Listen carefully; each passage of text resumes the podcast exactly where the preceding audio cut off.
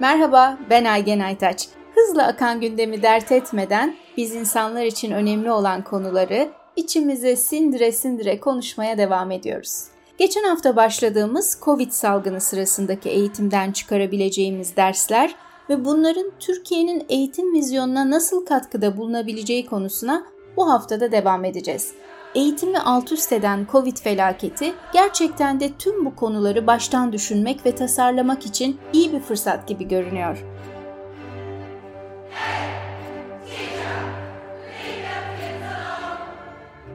Geçtiğimiz hafta küçük bir devlet okulunun müdürüyle sohbet etmiştik. Devlet okullarında lise öğrencileri başta olmak üzere her düzeyde öğrenci katılımlarının tam olmadığını, sınav sonuçlarının da katılanların bile online derslerden verim alamadığını gösterdiğini öğrenmiştik.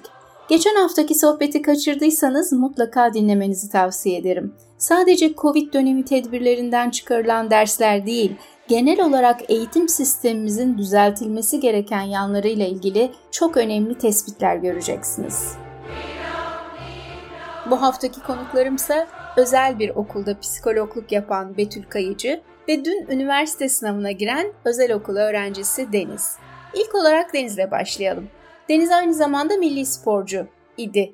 Spor karşılaşmalarında kazandığı madalyaları neden rafa kaldırdığını, bunun eğitim sistemimizle ilgisi olup olmadığını daha sonra ona soracağım. Ama Deniz önce bana salgın dolayısıyla okulların kapanması ve online derslere geçilmesi konusunda ne düşündüğünü anlatır mısın? Sen doğru düzgün takip edebildin mi dersleri? O ilk iki hafta diyeyim bizim okulumuz yoktan bir online eğitim sistemi var etti ve kesinlikle beklemiyordum bu kadar kısa sürede bu kadar iyi bir eğitim sistemi. Başladığımız anda tabii ki ufak aksaklıkları oldu elektriktir, internettir, odur budur ama genel anlamda gayet iyiydi. Katılım nasıldı derslere? Katılım çok şaşırtıcı bir şekilde başlangıçta gayet iyiydi. Bizim sınıfımız yaklaşık 24 kişi ise maksimum 3-4 kişi katılmıyordu diyeyim. Ama yaz yaklaştıkça tabii ki havalarda ısınınca, rehavet de gelince öğrencilere bu sayı arttı.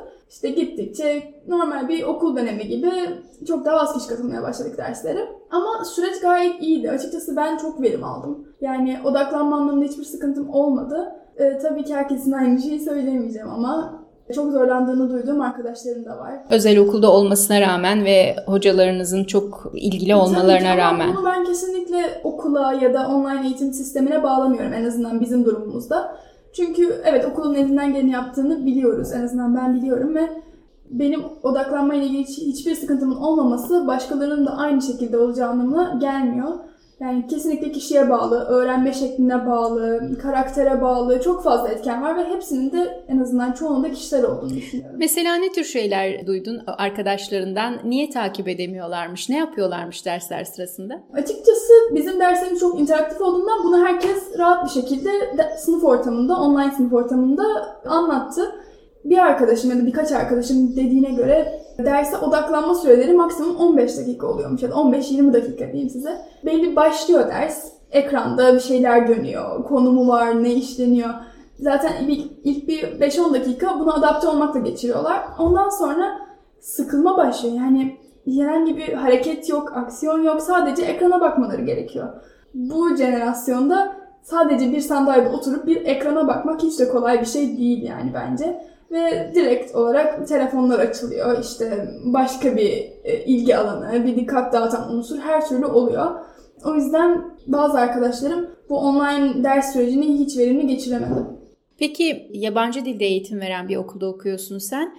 Yabancı dil eğitimleri nasıl oldu? Yani ekrandan bir kelimenin yazılışını görebildiniz mi?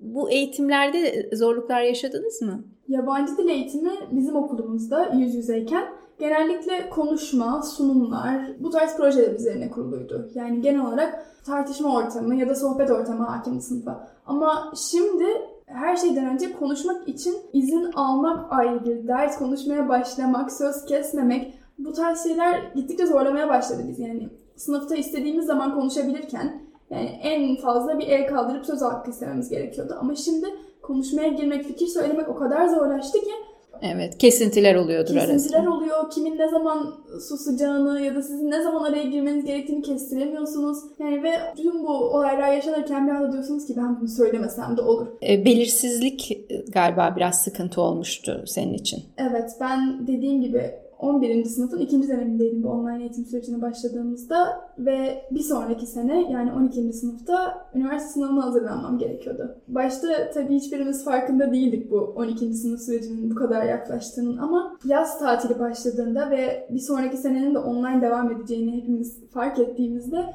süreç biraz daha ciddi hale geldi diyeyim. Nasıl uyum sağlayacağımızı düşünmeye başladık hepimiz. Yani online nasıl devam edecek? Biz nasıl alacağız? Dershane gibi bir faktör var. Özel ders faktörleri. Herkes ne yapacağını bilemez hale geldi ve plan yapmak da bir o kadar zorlaştı. Çünkü ne zaman ne olacağını kimse bilmiyor. Yani yetkili dediğiniz insanlar da hiçbir şeyin farkında değil. Yani bilmiyor onlar da. Kesin bir şeyi kimse söyleyemiyor. Dolayısıyla biz de bir o bir bu savrulduk diyebilirim. Evet yani bir baktınız ertesi gün okullar açık, iki gün gidiyorsunuz. Bir baktınız kapalı. Evet kesinlikle yani bir de şöyle bir durum vardı. Bize hep seçme hakkı sunduk. Gelin gidin okula gelebilirsiniz, hayır okula gelemezsiniz. Bütün bir sene boyunca biz sürekli telefonlarımıza, maillerimize ya da ailelerimizin telefonlarına bakarak geçirdik. Okuldan ne haber geldi, bugün okula gidecek miyiz? Ve bir 12. sınıf öğrencisi olarak aslında yani her sınıfta bu çok zor bir şey ama bizim durumumuzda zaten üniversite sınavı gibi inanılmaz büyük bir stres kaynağı varken bir de bu okula gidecek miyiz, gitmeyecek miyiz? Sınav var mı, yok mu, not odur budur. Bizi gerçekten çok gerdi ve bu belirsizlik sınavdan en azından benim için çok daha yıpratıcıydı. Bir de salgınla ilgili okula gittiğiniz zamanlarda gerginlikler olmuştu galiba değil mi? Evet. Bu salgın şu an bizim için çok daha normalleşti. Ama ilk başlarda yani bundan bir sene önce falan hiç de böyle değildi. Maske gerçeği, henüz hasta biriyle karşılaşmamış olmak, hastalığın yaratabileceği sonuçları hayal dahi edememek öğrencilere inanılmaz geliyordu ve biz ne zamanda Eylül ya da Ekim'de okula gitmeye başladık. Bundan bir ay sonra kaçınılmaz bir şekilde zaten okulumuzda bir tane vaka çıktı. Ve bu vaka ilk çıktığında tabii ki bir kaos hali. Aileler aranıyor, okul ne yapacağını tam olarak bilemiyor. Herkes her yerde eve gitmek isteyenler, küçük çaplı sinir krizleri yani ama bir şekilde atlatıldı bu süreç. Öğretmenler nasıl durumu idare ettiler? Onlar da zor durumda kalmış olmalı. Onlar çok zor durumda kaldı gerçekten. Çünkü bizim okula gelmek gibi bir mecburiyetimiz yokken onlar okula gelmek zorundaydı. Sürekli geldiler ve ne kadar korktuklarının, nasıl hissettiklerinin pek bir önemi yoktu. Kendileri sakinleşememişken durumla ilgili bizi sakinleştirmek yani çok zordu gerçekten. Yani her şey geçtim psikolojik aşamasının fiziksel anlamda da onlar için çok zordu. Yani biz okula ilk gitmeye başladığımızda inanılmaz bir sıcak bir havada çift maske hatta bazen üç maskeyle birlikte bize ders anlatmaya çalıştılar.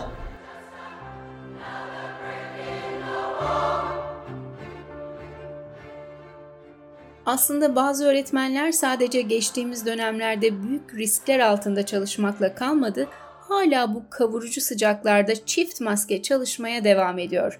Bunlardan biri İstanbul'da özel bir okulda anaokulu psikoloğu olarak görev yapan Betül Kayıcı. Öğretmenler çok gergindi yani can güvenliği yok.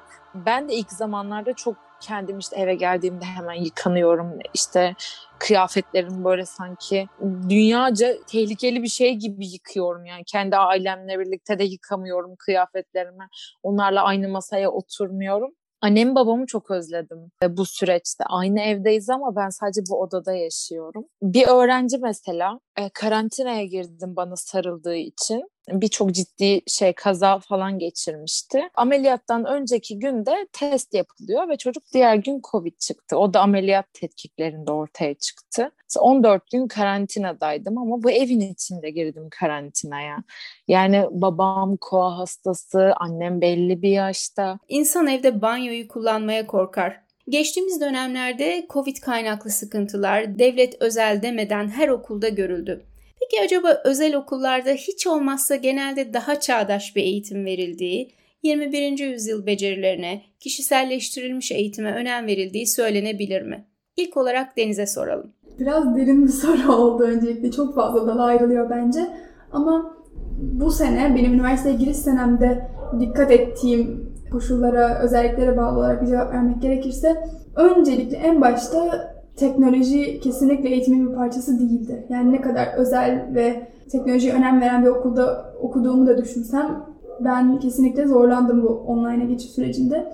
Bizim okulumuzda kesinlikle online eğitim ya da bilgisayar yönetimi, data, veri bu tarz kavramlar yoktu diyeyim. Yani ben bilmiyordum açıkçası ve öğretilmedi de kesinlikle. O yüzden bence online ya da teknoloji çok daha işin içinde olmalı. Yani yok çünkü ve artık gelecekte teknolojisiz ya da online olmayan bir eğitim düşünülemez. Kesinlikle yani. Ve öğrencilerin hakim olması inanılmaz önemli hale geldi. Bununla ilgili bence geç bile kalındı bu teknolojik eğitime. Yani şu an hala böyle bir eğitime adım atılmamış olması akıllı gibi değil bence. Başka bir yönünü ele almak gerekirse bence 40-50 yıl öncesinin eğitim sistemiyle, eğitimiyle devam ediyoruz. Yani gelişen dünya bence şu an hikaye eğitim sistemimizde açıkçası. Yani sizin okul aslında bana öyle geliyor ki 21. yüzyıla uygun bir müfredata sahip. Mesela projeler var, sunumlar var, ekip çalışması var mı? Ee, tabii ki ekip çalışmaları, sınıf ortamında çalışmalar, sınıf ortamında grup çalışmaları. Hepsi Atölye oluyor. çalışmaları var mı? Atölye çalışmaları bence okulumuz elinden geldiğince bu çalışmaları yapmaya özen gösteriyor. Ama belli bir müfredat var. Milli Eğitim Sistemi'nin zorunlu kıldığı her okulda ve sınava girebilmek, sınavda başarılı olabilmek için bilmemiz gereken bazı şeyler var. Ve bence okuldaki öğretmenlerin de böyle düşündüğüne eminim. Bu müfredat çok yoğun. Kesinlikle her haftaya bölünmüş bir sistem var ve atölye çalışmaları bu zamanı biraz daha yediği için ne kadar istese de okul pek ağırlık veremiyor. Evet. Betül'ün de öğrencilere 21. yüzyıl becerileri kazandırma konusunda söyleyecekleri var. Bence bu tamamen yalan. Çünkü çocuklara atölye çalışması vaat ederken çocukları mevcut bir sınava sokuyorsunuz. Yani ortaokula giden bir çocuğunuz varsa okula gittiğinizde şuna bakıyorsunuz. Kaç tane derece yapan çocuk çıkarmış? Sanki okul çıkarıyor yani. Sanki öğrencinin hiçbir şey fonksiyonu yok burada. Bunu okul sağlıyormuş gibi bir pazarlama söz konusu. Ve gerçekten o birinci çıkaran okullara da çocuklarınızı yolladığınızda yarış atına dönüyor. Çocukların nefes almaya, işte basketbol oynamaya, tenis oynamaya vakti yok ki herhangi bir atölyeye katılsın. Yani hep bir yasak, hep bir dayatma, hadi biraz daha, hadi biraz daha dedikten sonra çocuk liseye geçiyor ve tekrar bir maraton başlıyor.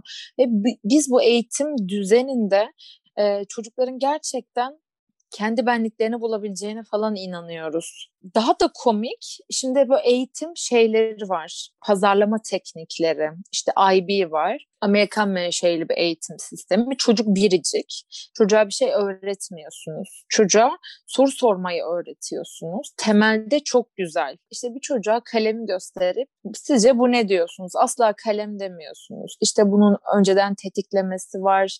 Ee, çocuğa merak uyandırıyorsunuz. Diğer hafta bu konu üzerine konuşuyorsunuz. Sonra çocuk merak ediyor. Yani şunu söylese işte bu bir kalem ama ben bunu kitap ayracı olarak kullanıyorum.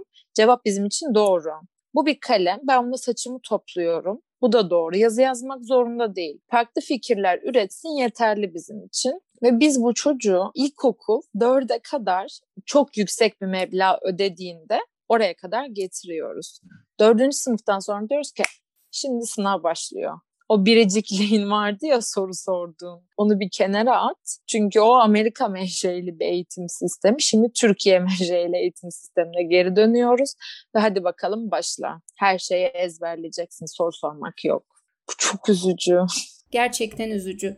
Peki Deniz eğitim sisteminde sence neler değişmeli? Şu an 12. sınıf olduğum ve biraz kariyerimi, geleceğimi görmek zorunda en azından tahmin etmeyi, kararlar vermek zorunda olduğum için sürekli bir meslek araştırması, ben ne yapabilirim, neye yatkınım düşüncesi hakim. Ama şu ana kadarki eğitim hayatımda gayet iyi eğitimler, iyi okullarda iyi eğitimler aldığımı da düşünürsek beni bu yolda yönlendiren hiçbir şey yoktu. Yani ben kendimi bulamadım, karakterimi, neylere yatkın olduğumu, nelerden zevk aldığımı dahi öğrenemedim. Sürekli bu yolda kendimi de çok yalnız hissettim ve tabii bu yaşta böyle bir karar vermek zorunda bırakan eğitim sistemimiz bunu nasıl yapacağımızı kesinlikle öğretmiyor bize. Hiç bu tür araştırmalar, testler yapılmadı mı? Formaliteden yapılan bir ya da iki test belki olmuştur ama kesin bir sonuç e, yarattığını söyleyemeyeceğim. Çünkü zaten sonuçlara baktığınızda size birkaç meslek dalına yönlendiriyor. Ama meslek dalları ne dersiniz? Genel adları mühendislik, öğretmenlik, doktor, tıp veya işte sosyal bir dal. Yani bunlar artık meslek bile değil. Yani ne dallar var, neler yapılıyor, insanlar nelerle uğraşıyor.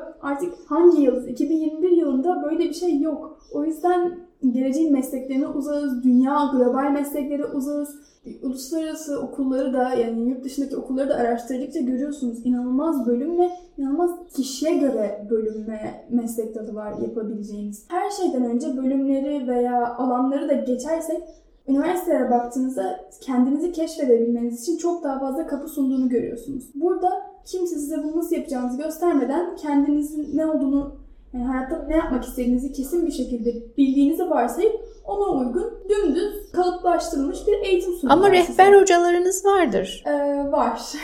Onlar yardımcı olamıyor mu bu konuda? Onlar bu konuda yardımcı olmaya çalışıyor diyeyim ama herkes gibi onların da önceliği sınav. Yani sınav olabildiğince iyi yapın ki istediğiniz bölümü seçebilirseniz mantığı hakim. Sınavdan yeterince yüksek not almadığınız takdirde henüz ne istediğinizin pek bir önemi yok. Yani bu bakış açısı hakim bence. Aslında sen milli sporcusun. Düşünmedin mi bu alanda bir kariyer yapmayı? Niye sen bu sınav stresine girdin herkes gibi? Ülkemiz gerçekleri bence herkesin malumu yani. Ne kadar başarılı da olsanız sporda ya da eğitimde ikisini aynı anda yürütemiyorsunuz. Yani bunu çok fazla spor alanında tanıdığım insan var. Çok fazla arkadaşım var bu süreçten geçen çok fazla tanıdığım ve kimse ikisini de birlikte en başarılı şekilde yürütemiyor. Ama bu onlarla ilgili bir durum değil. İmkan sunulsa yapamayacakları bir konu değil bu. Ama ne yazık ki sistemimiz, ülkemiz buna el vermiyor. Neden mesela? Ee, her şeyden önce eğitim müfredatının, eğitim sisteminin katılığı ve öğrenciden çok şey bekleyişi e, inanılmaz bir zaman da gerektiriyor. Yani üniversite sınavında mesela iyi bir puan almak istiyorsanız kesinlikle yani çok çalışmanız gerekiyor. Bunu öğrencinin kapasitesiyle ilgili bir konu değil bu. Yani ve bu çok çalışma süresi, süresince ne kadar profesyonel de olsanız yaptığınız spora yeterli vakit ayıramıyorsunuz. Ve sen bir seçim yapmak zorunda kaldın herhalde. Evet. Ben de mecburen bu sene yaptığım spora ne kadar çok sevsem de ve şu ana kadar hayatımda öncelik olarak tutsam da biraz ara vermek zorunda kaldım. Neden? Ailen mi öyle istedi? Ailem böyle istemedi. Ailem kesinlikle ben nasıl istiyorsam öyle devam edebileceğimi savunuyordu. Okul? Ama okul evet biraz daha spora ara vermenin daha iyi olabileceğini düşündü. Ama benim kararım yine okul böyle istediği için değildi. Ben ikisinin de zor olacağını biliyordum. Yani dediğim gibi önümde örnekler vardı ve spor ne kadar benim için çok ve çok önemli olsa da üniversitede iyi bir yere kazanmak istiyordum. Dolayısıyla bir sene ara vermem gerekti. Yani şeye girdin fabrikaya. Evet ne yazık ki öyle oldu. Ne kadar istemesem de. Spora devam etseydin ne olurdu? Orada seçeneklerin nelerdi? Spora devam etseydim antrenmanlarıma giderdim, yarışlara katılırdım. Büyük ihtimalle bu sene de milliliğim devam ederdi ve e, uluslararası yarışlarda yine ülkemi temsil ederdim. Sonrasında e, üniversiteyle ilgili bir takım sorunlar yaşamış olurdum tabii ve spordan başka gidebilecek yolum kalmazdı. Ama yine bir ülkemiz gerçeği spordan devam eden eğer çok başarılı ve basketbol ya da futbol gibi popüler sporlarla uğraşmayan biri ise ne yazık ki orada da bir gelecek yok. Peki e, nasıl iyileştirilebilir? Ne tür iyileştirmeler yapılmalı sence eğitim sisteminde? Kalıplardan kurtulmamız gerekiyor. Biraz daha kişiye yönelik eğitim öne çıkarılmalı diye düşünüyorum. Yani herkes aynı değil herkesin farklı olduğunu, farklı kişisel özellikleri olduğuna, farklı alanlarda başarılı olabileceklerini artık kabul etmemiz gerekiyor bence. Ve tek kalıp bir eğitim uygulayıp bütün öğrencilerin başarılı olmasını ve başarısızları cezalandırmayı bekleyemezsiniz yani. Biraz daha bakış açımızı değiştirmenin en faydalı şey olacağını Aslında en üstte bu bakış açısının olduğunu görüyoruz. Mesela Milli Eğitim Bakanı'nın açıklamaları da bu yönde. Hep eğitimi kişiselleştireceğiz diyorlar. Ama en altta seni düşünürsek bir öğrenci olarak arada kaynıyor mu yoksa çok öğrenci olduğundan mı sence neden bu ikisi birleşemiyor? Neden uygulanamıyor bu? Çok acı bir şekilde bence kimsenin buna zamanı yok. Yani öncelik bu değil. Herkes çünkü müfredatını uygulama peşinde. Evet, Kimse durup düşünmüyor. Başka. Yani ne kadar toz pembe bir eğitim sistemi ve eğitim anlayışı gözler önüne serilse de gerçek böyle değil demekten başka bir seçeneğim yok gibi. Teşekkürler Deniz. Son olarak Eğitim Bakanlığı'nın Parlak 2023 vizyonunu Betül'e sormak istiyorum. Bu vizyon, bu plan her ne kadar Covid ile sekteye uğramış olsa da 2018 yılından beri yürürlükte olduğu için mutlaka en azından özel okullardaki uygulamalara bir nebze de olsa yansımış olmalı. Bu vizyonla ilgili düşüncelerini rica edebilir miyim Betül? Ben uygulanabileceğini düşünmüyorum. Çünkü imkanlar çok kısıtlı. Yani eğitime sadece gerekli yatırım zaten yapılmıyor. Öğretmene de yatırım yapılmıyor. Öğretmen sadece aynı o geleneksel kültürde dersini anlatsın gitsin. Yani kimse çocuğu fark etme derdinde değil. Önce öğretmen zihniyetini değiştirmeli. Özellikle arkadan gelen yeni nesile olanak sunmalı. Eski nesil bu belki çok iddialı bir cümle ama kesinlikle bunun arkasındayım. Geleneksel kültür yok edilmeli. Çünkü geleneksel kültür bu alt zeminden gelen çocuğu anlamıyor ve tanımıyor. Arada çok ciddi bir çatışma var ve o çocuğu yakalamak için dinamik olmak zorunda. Bunlar teknoloji çağı çocukları. Derste anlattığınız birçok şey zaten çoktan yalayıp yuttu. Çok enteresan soruları var ve bizim o çocuğu yakalamamız gerekiyor. Müfredat vaat edilen değil, onun çok daha üstünde olmalı. Sadece psikoloji alanında bile mesela zeka testleri uyguluyoruz. Viskar diye bir test var yani artık yılların testi ee, ve çocuklar Viskar'ın içinde var olan birçok ölçeği zaten tablette defalarca oynadılar. Son zamanların en büyük çıkmazı bütün çocuklar üstün zekalı. Yani nereye kafanızı çevirseniz herkes üstün zekalı ama çocuklar onları zaten çoktan çözdü çözdüler.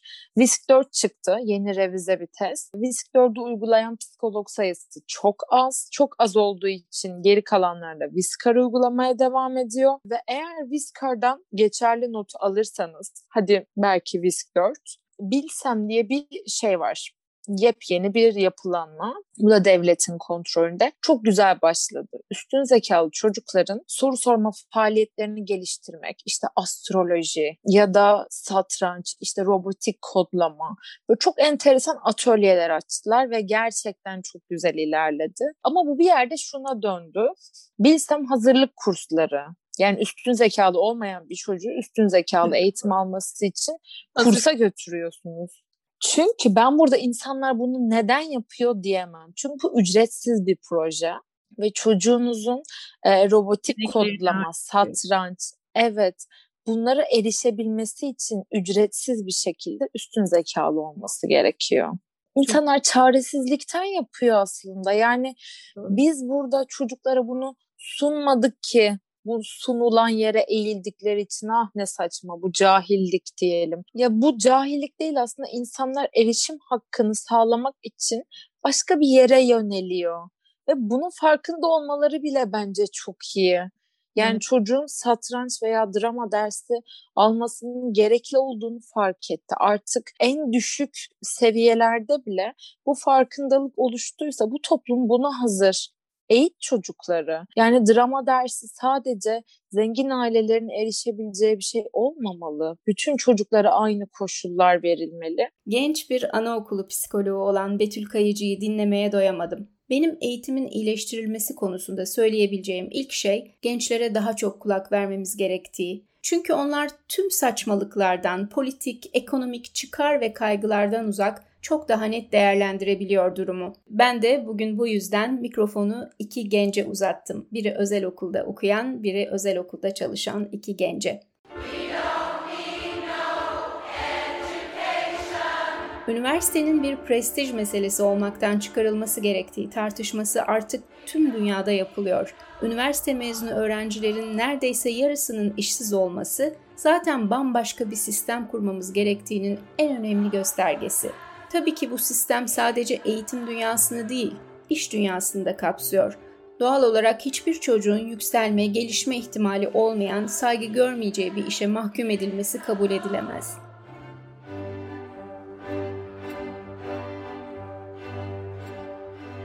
Bugün Deniz ve Betül'ün de dikkat çektiği gibi artık dijital çağda yaşıyoruz. Durum böyleyken bugün hala büyük bir kesimin bilgisayara erişimi olmaması ve tüm öğrencilerin eşit şekilde ücretsiz olarak internete erişimi olmaması korkunç bir hata, büyük bir ayrımcılık. Tabi tüm öğrencilerin rahatça teknolojiye ulaşması sorunu çözmeyecek ama teknolojiyle yüz yüze eğitimin nasıl birleştirilebileceği, programların kalitesi Eğitim Bakanlığı'nın görevi. Bakanlık bu konuda genç öğretmenler ve öğrencilerle birlikte çalışsa belki çok daha çağdaş uygulamalara imza atabilir. Tabi bu yapılırken atama bekleyen öğretmenlere kulak verilmesi, sözleşmeli öğretmenlerin ucuz iş gücü gibi çalıştırılmaması, atanmış öğretmenlerin maaşlarının iyileştirilmesi ve tüm öğretmenlerin öğretme sevincini yeniden yaşamaya başlaması için daha özgür hissetmeleri, daha esnek bir müfredatla çalışabilmeleri çok önemli. Eğitime yapılacak yatırım asla bir masraf olarak görülmemeli. Bu aslında bir ülkenin yapabileceği en iyi yatırım. Sadece altyapıya değil, öğretmene, öğrenciye yapılacak tüm yatırımlar böyle. Şimdi düşünmemiz gereken soru şu. Acaba öğrencileri sonrası belirsiz olan bir sınavın ardından arkada kimin kaldığına bakmadan koşmaya mı yönlendireceğiz? Yoksa bu Covid felaketini tüm bu konuları kökten çözmek için fırsat olarak mı değerlendireceğiz? Ya da değerlendirebilecek miyiz? Ha unutmadan eğitim konusunu burada bırakacak değiliz haftaya milli eğitim sisteminden çok çekmiş bir dahi çocuğun, gerçekten dahi Selçuk Keser'in kendi öğrenim yaşamından aldığı derslerle oluşturduğu yeni ve harika öğrenme yöntemini ve bu yolla binlerce kişinin hayatını nasıl değiştirdiğini dinleyeceğiz. Ama bu haftalık bu kadar. Hoşçakalın.